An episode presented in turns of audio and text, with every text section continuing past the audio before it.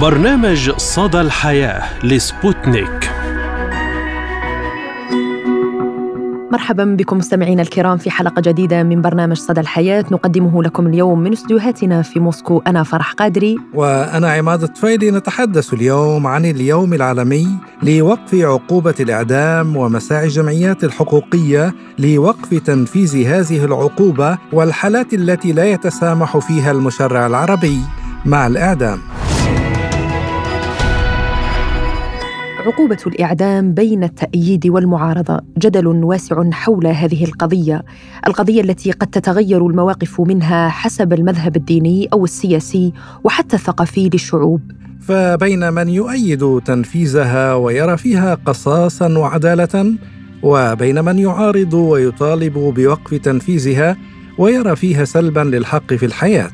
تعتبر عقوبة الإعدام أشد طرق العقاب على الإطلاق عبر التاريخ وكثير من الدول ألغتها وتستنكرها وأخرى لا تزال إلى يومنا هذا تعمل بها وتطبقها. ما يجعلنا نطرح تساؤلات كثيرة حول استمرارية تنفيذ عقوبة الإعدام بالرغم من مطالبات عديدة من جمعيات ومنظمات حقوقية دولية لوقف تنفيذ هذه العقوبة وإلغائها. فالحق في الحياة من أبرز الحقوق التي تلازم الإنسان منذ ولادته وجوهر الحقوق الإنسانية وليس لأحد الحق في إنهاء حياة غيره. ففي الإعلان العالمي لحقوق الإنسان كانت أهم وثيقة اعتمدتها الجمعية العامة للأمم المتحدة في المادة الثالثة التي تنص على أن لكل شخص الحق في الحياة والحرية والأمن الشخصي مما يوجب تضمين الحق في الحياة في الدستور وإدراجه ضمن القانون الأساسي للدولة حيث يساهم ذلك في إكسابه أهمية خاصة في هذا المجال. وتعرف عقوبة الإعدام بأنها قتل شخص بإجراء قضائي من أجل العقاب أو تحقيق الردع العام أو المنع، وتعتبر جرائم القتل من أشهر الجرائم التي يتم معاقبة مرتكبيها بعقوبة الإعدام، ويتوجب فيها اقتران الجريمة بظرف مشدد مثل سبق الإصرار والترصد وأيضا جرائم الاغتصاب والاتجار بالمخدرات في بعض الدول وأيضا جريمة الإرهاب والمساس بأمن الدولة. وكم من قصص لأشخاص تم إعدامهم وبعد سنوات ظهرت نتائج التحقيق وتبين أنهم أبرياء ولا علاقة لهم بالجرائم التي نسبت إليهم. كيف يمكن هنا إعادتهم للحياة وتعويضهم؟ هذا الحق الذي لا يهبه سوى الله للإنسان. فالهدف من العقوبة هو الإصلاح والردع وليس الانتقام.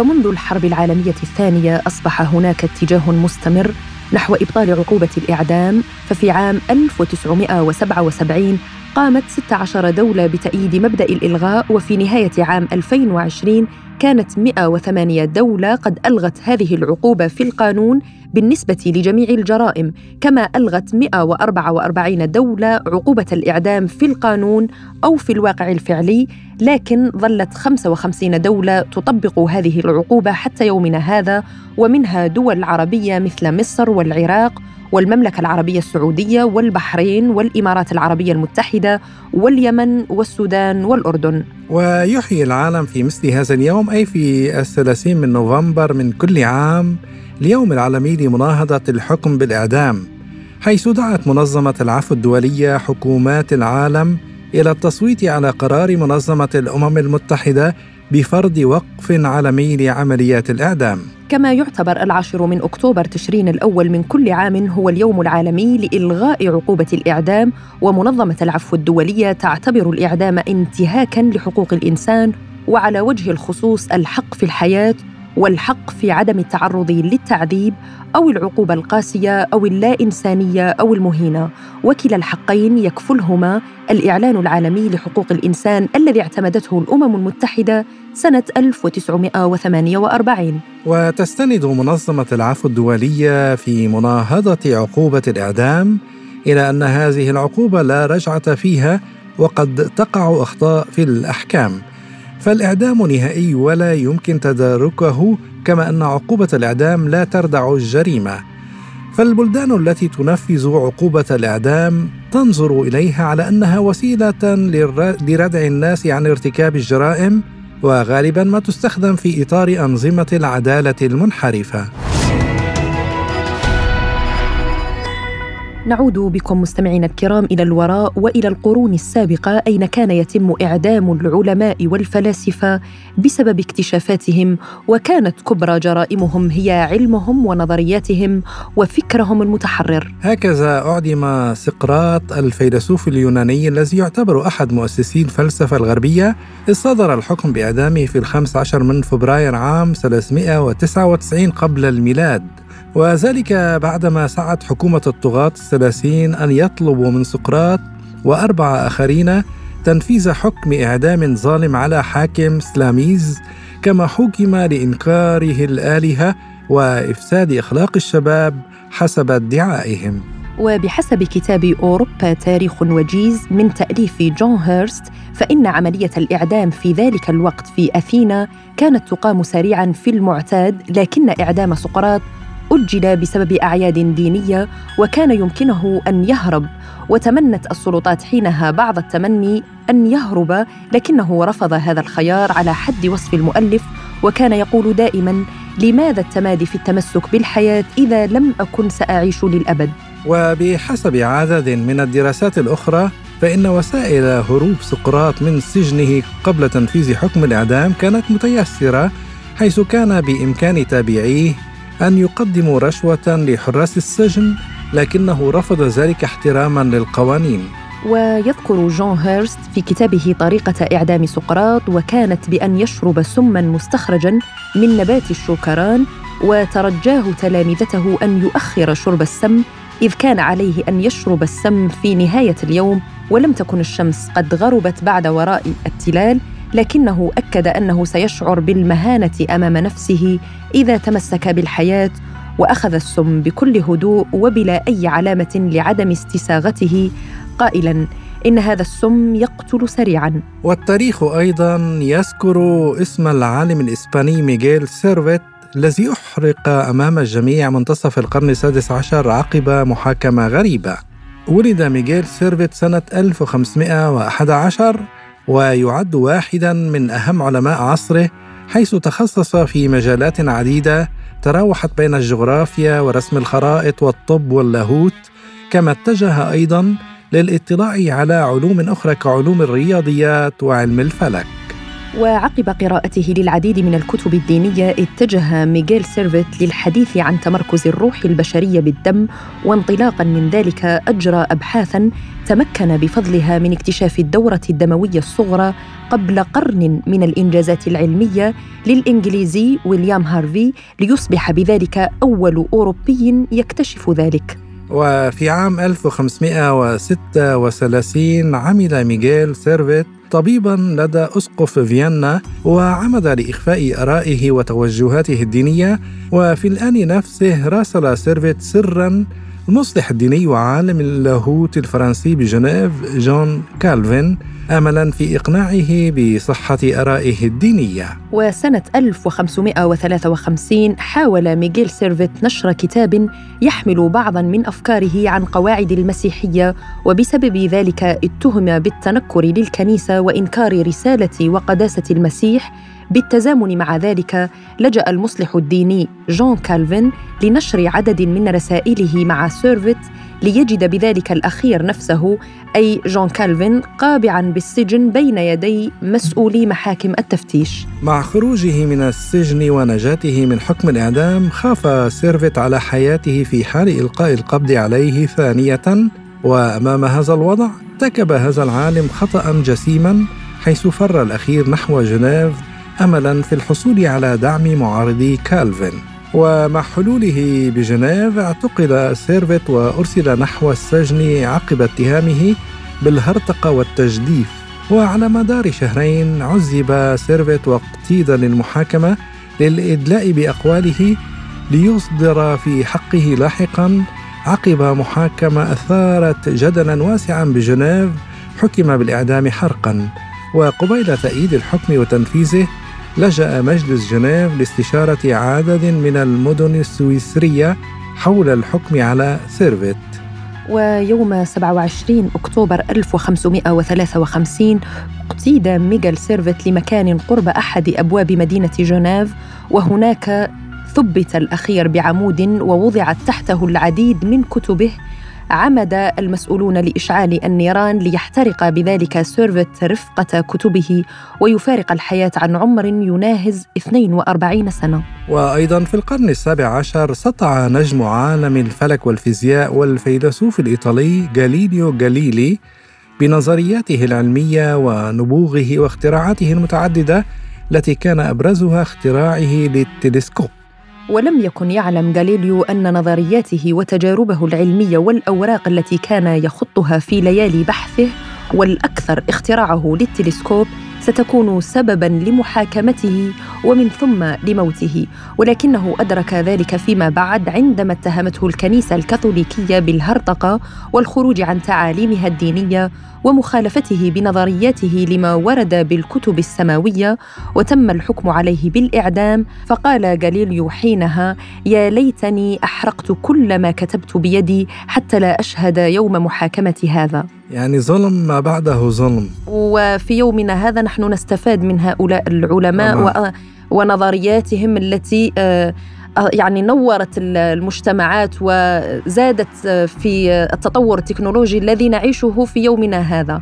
فيعني لهذا نقول أن قتل النفس محرمة أكيد. في كل شيء. يعني في ذلك العصر كانت هذه التعليم وهذه الاختراعات تعتبر هرطقة. نعم وخروج عن الملة والأديان. للأسف يعني. وللحديث أكثر حول هذا الموضوع نستضيف معنا المستشار الدكتور محمد محمود مهران الخبير بالقانون الدولي أهلا وسهلا بك دكتور محمد وشكرا لتواجدك معنا يعني أبدأ معك من فكرة الحق في الحياة في كل الظروف أنت كيف ترى عقوبة الإعدام؟ يعني هل هي حق مشروع للدولة تنفيذه؟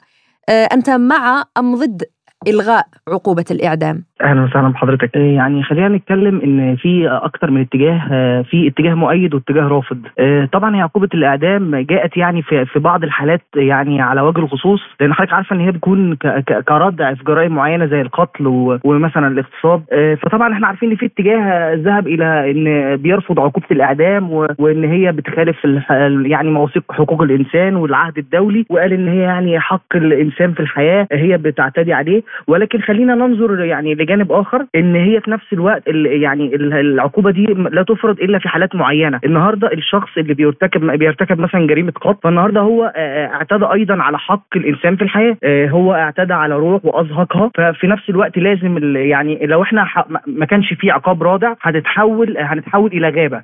وفي نفس الوقت يعني أهل المجني عليه هيشعروا إن هذه يعني يعني كده اعتبر يعني ما خدوش حقهم فهيبدا تزيد الجرائم. فطبعا من الناحية القانونية يعني هي في في البعض زي ما قلنا إن هي تعتبر انتهاكا للإعلان العالمي لحقوق الانسان وفي بعض الدول يعني آه، قلصت منها آه، وفي طبعا لسه دول ما زالت بتستخدمها زي أمريكا وإحنا عندنا في مصر مثلا ما زلنا بنستخدم عقوبة الإعدام ولكن آه، أنا أنا يعني شايف إن هي المفروض تتقلص تكون في حالات محددة يعني تكون في الحالات اللي هي القتل العمد الحالات الاغتصاب الحالات اللي هي اللي فيها تشديد العقوبه يعني. هناك جرائم نقول أنها لا تغتفر والدول التي لا تزال تطبق عقوبة الإعدام تراها كذلك يعني اليوم المساس بأمن الدولة والقتل العمدي وجرائم الاغتصاب للأطفال وقتلهم من ناحية يتوجب ردع المجرمين ولكن هل برأيك الإعدام هو العقاب أو الحل الوحيد؟ يعني أليست الحياة حق لكل إنسان بغض النظر عن جريمته؟ طبعا هو ليس الحل وحده هناك يعني في حالات أخرى بيكون السجن المؤبد يعني كل حالة ولكن هو في حالات كتير كان بيكون رادع طبعا لأن في جرائم يصعب التسامح فيها مع المرتكبين يعني زي قلت جرائم الإرهاب والاعتداء الجنسي على الأطفال يعني.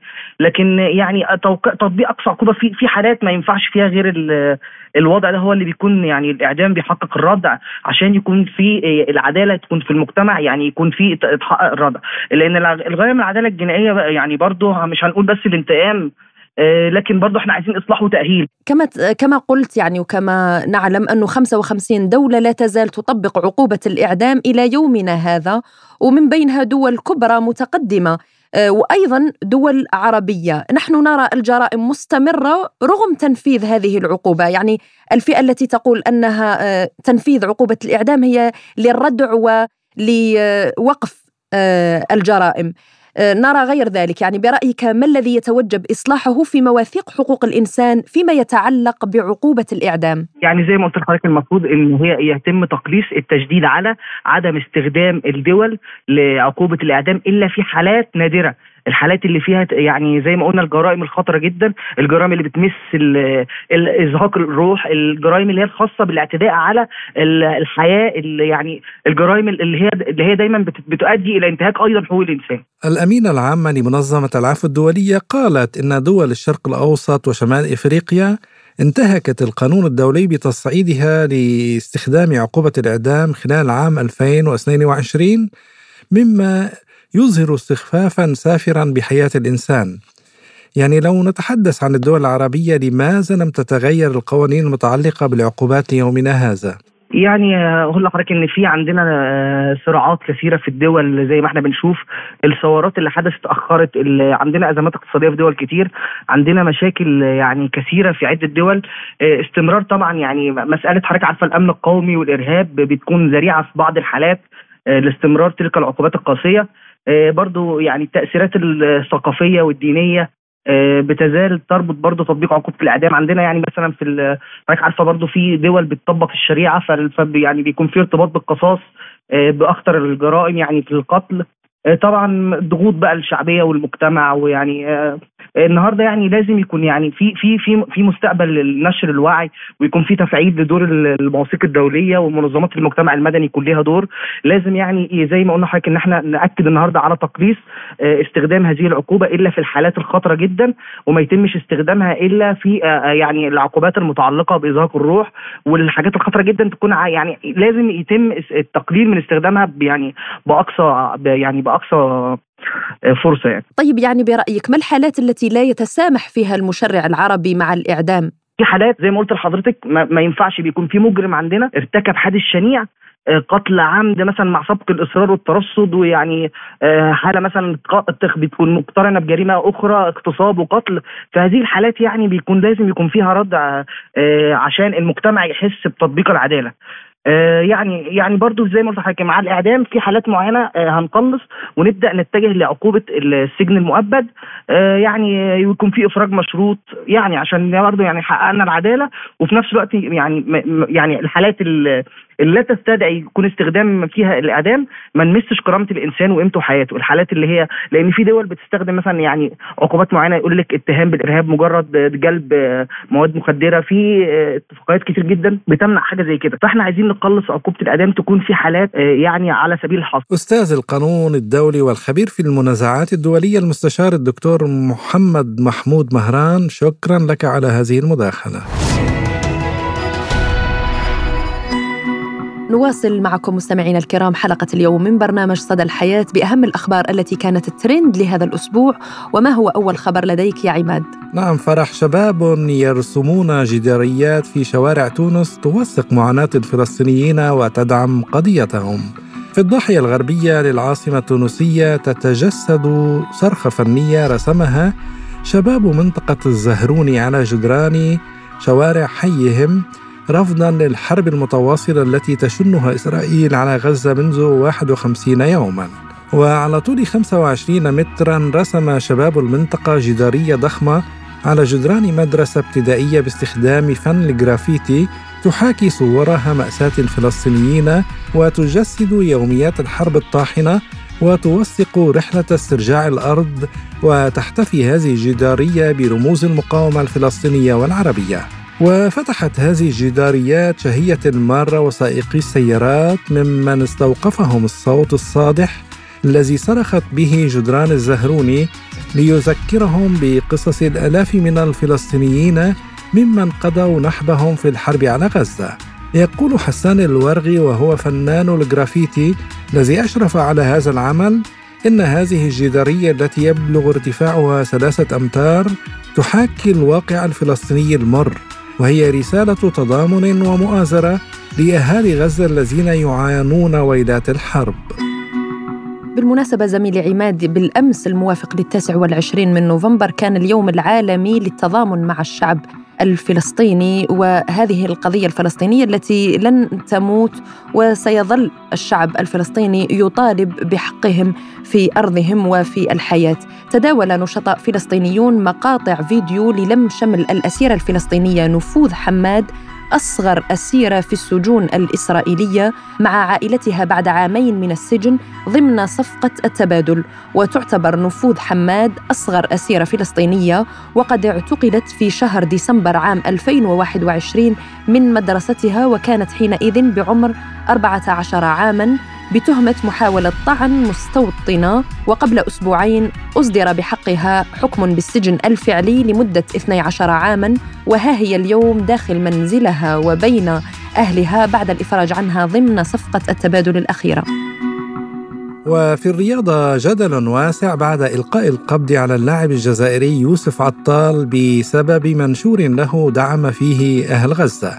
حيث قامت اللجنة التأديبية التابعة لرابطة الدوري الفرنسي بمعاقبة لاعب نادي نيس والمنتخب الجزائري لكرة القدم يوسف عطال بالإيقاف سبع مباريات بسبب منشور داعم لفلسطين ضد الحرب الإسرائيلية على قطاع غزة والتي تدور رحاها حتى اللحظة. وقال الموقع الإلكتروني لشبكة آر أم سي الرياضية إن عقوبة الإيقاف لمدة سبع مباريات سيبدأ سريانها اعتبارا من الحادي والثلاثين من أكتوبر تشرين الأول وهو ما يعني غياب اللاعب عن مباريات فريقه حتى نهاية عام 2023 هنا نقول زميلي عماد السبب كان بسبب المنشور الذي قام بمشاركته عبر صفحته الرسمية إنستغرام وهو يدعو مشاركة فيديو لأحد الدعاة وهو يدعو إلى يوم أسود لليهود. قبل أن يسارع اللاعب الجزائري يوسف عطال بحذف المنشور بعد أن أحدث جدلا واسعا واعتبر المنشور معاديا للسامية وفيه دعوات إلى العنف حسب تقييم آه، خصوصا عمدة نيس الذي طالب مباشرة باعتقال اللاعب ورغم آه، يعني اعتذار يوسف عطال الذي قال أعلم أن منشوري صدم العديد من الأشخاص ولم يكن ذلك في نيتي وأعتذر عن ذلك مضيفا أنه يريد توضيح وجهة نظره من دون أي غموض وقال أدين بشدة جميع أشكال العنف في أي مكان في العالم وأنا أدعم جميع الضحايا. هم لا يريدون لأي صوت أن لا يدعم غزة ولا يبدي رأيه في القضية الفلسطينية. وإلى موضوعنا التالي بأكثر من 50 مليون دولار زفاف القرن يهز مواقع التواصل الاجتماعي. ضجت مواقع التواصل الاجتماعي بفيديوهات مما وصف بزفاف القرن بين الأمريكيين مادلين بروكواي وصديقها جاكوب لاجرون بكلفة أكثر من 50 مليون دولار. وتزوج الحبيبان في العاصمة الفرنسية باريس حيث أقاما حفلات مبهرة لمدة خمسة أيام في أكثر المواقع المرغوبة في جميع أنحاء مدينة الأضواء. وشهدت الأيام الخمسة مشاركة فرقة مارون خمسة شهيرة في إحدى الحفلات وعشاء ترحيبيا في دار الأوبرا بباريس وغداء خاصا في جناح شانيل أوت كوتور وليلة ولا ألف ليلة في قصر فرساي وتلقت الشابة البالغة من العمر 26 عاما معاملة كبار الشخصيات طوال أسبوع تقريبا شملت سائقا خاصا وفريقا كبيرا للشعر والمكياج للتأكد من أن مادلين ستبدو مثالية في كل مناسبة وعددا من مصممي الأزياء ومجموعة من المصورين المحترفين الذين تابعوها في كل خطواتها. وقامت مادلين بتوثيق زفافها برمته ومشاركته على حساب في تيك توك حيث انتشرت مقاطع الفيديو على نطاق واسع وحصلت على مئات الآلاف من المشاهدات وتركت الكثير من الناس يتساءلون من هما مادلين وجايكوب وكيف تمكنا من إقامة أكثر حفلات الزفاف بريقا في المائة عام الماضية؟ وفي خبر طريف وغريب. شهدت إحدى العيادات الخاصة في مدينة إسطنبول التركية واقعة غريبة حيث انتحل عامل نظافة صفة الطبيب وقلع أسنان أحد المرضى ووصف له الدواء أيضاً.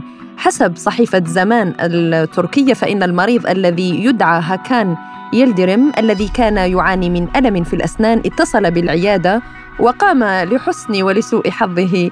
عامل النظافة جمال شان أسلان بالرد وتقديم نفسه على أنه طبيب أسنان وحدد موعدا له للحضور في المساء. وبعد الترحيب بالمريض اكتسب شان أسلان الثقة عندما أخبره عامل النظافة أنه محاضر في إحدى الجامعات ثم قام بفحص أسنانه في العيادة التي كان فيها بمفرده وقرر إزالة أربعة منها. وحاول هاكان يلدرم توضيح أنه ليس من الصواب خلع الأسنان الخارجية لكن عامل النظافة رد بالقول هل تعلمني وظيفتي؟ وقام بخلع أسنانه الأمامية الأربعة العلوية تحت التخدير الموضعي وتقاضى رسوم فحص ألف ليرة دون إيصال أو فاتورة وذهب آه، يعني آه، هاكان يلدرم الذي كان وجهه منتفخا ويتألم بعد خلع أسنانه إلى الصيدلية بالوصفة الطبية التي كتبها عامل النظافة لكن الصيدلي ذكر له أن الوصفة الطبية ليست مختومة وبالتالي فإن مؤسسة الضمان الاجتماعي لن تغطي تكلفة الدواء وحينها تم الكشف عن الخدعة التي تعرض لها يلدرم وقال صاحب العيادة الدكتور إبراهيم ليفنت جمال هو عامل النظافة فهو يأتي وينظف في المساء وقد صدم الرجل وقام يعني يلدرم بتقديم شكوى أمام المحكمة ولكن بعد خسارة الأسنان الأربعة والأمامية. ونختم حلقة اليوم من البرنامج بمعلومة طبية كما عودناكم متابعينا الكرام وهذه المرة نصيحة للشباب العشريني لماذا يجب أن تظل أعزبا في العشرينات من عمرك تبعا للعلم؟ وجد فريق من الباحثين أن الأشخاص الذين يتزوجون في العشرينيات من العمر هم أقل استعدادا للتعامل مع حسرة القلب في وقت لاحق من الحياة. شيء طبيعي ما عندهم لا خبرة بالحياة ولا صبر ولا. ويعتقد الباحثون أن هذا قد يكون بسبب أن العزاب يطورون المزيد من المهارات والشبكات الاجتماعية حياتية لمساعدتهم على التعامل مع الألم والاضطراب الناتج عن انتهاء العلاقة العاطفية في حين أن الأشخاص الذين يدخلون في شراكات ملتزمة عندما يكونون صغارا قد يعتقدون أن علاقاتهم ستستمر إلى الأبد فإن الأشخاص الذين يظلون غير متزوجين لبعض الوقت قد يكونوا أقل عرضة للقيام بمثل هذه الافتراضات وبالتالي لا يتأثرون كثيرا عند انتهاء العلاقة الغرامية. آه، الدكتورة آه، المعدة الرئيسية لهذه الدراسة قالت إن العزوبية قد تكون وقتاً لتعلم أشياء جديدة والتركيز على نفسك وقالت إن الدراسة الجديدة تدعم هذه الفكرة ولكن هذا لا يعني أنه يجب عليك المضي قدما وإنهاء علاقة سعيدة وصحية إذا كنت في العشرينات من عمرك. وأضافت بأن النساء الشابات البالغات في العلاقات طويلة الأمد يملن إلى الاعتماد بشكل أكبر ماليا على شريكهن وقد يكون الرجال أقل اعتيادا على القيام بالأعمال المنزلية. وقالت كذلك بأنه بدلا من الانفصال فإذا كنت في علاقة في العشرينات من عمرك قد يكون من المفيد تقاسم العبء. في المنزل وحيث يصبح كل كلا الشريكين مسؤولين عن الأرباح والعمل المنزلي. وتوصل فريقها إلى استنتاجاته من خلال النظر في بيانات 36 عاما من دراسة ألمانية تابعت المجموعة نفسها من الأشخاص من عام 1984 إلى الوقت الحاضر وشملت الدراسة 190 امرأة و151 رجلا كان كانوا عزابا في بداية حياتهم و400 امرأة و262 رجلا ارتبطوا بشركاء حياة في وقت مبكر من حياتهم. وبالنسبة للشابات كان لديهن انخفاضا في الرضا عن الحياة عندما تعرضن لأول انفصال كبير ولم تتحسن مستويات رضاهن عن الحياة كثيرا خلال السنوات الثلاث التالية وبهذا نصل وإياكم مستمعينا الكرام إلى ختام حلقة اليوم من برنامج صدى الحياة. كنا معكم فيها أنا عماد فايلة وأنا فرح قادري. شكرا لإصغائكم وإلى اللقاء. إلى اللقاء.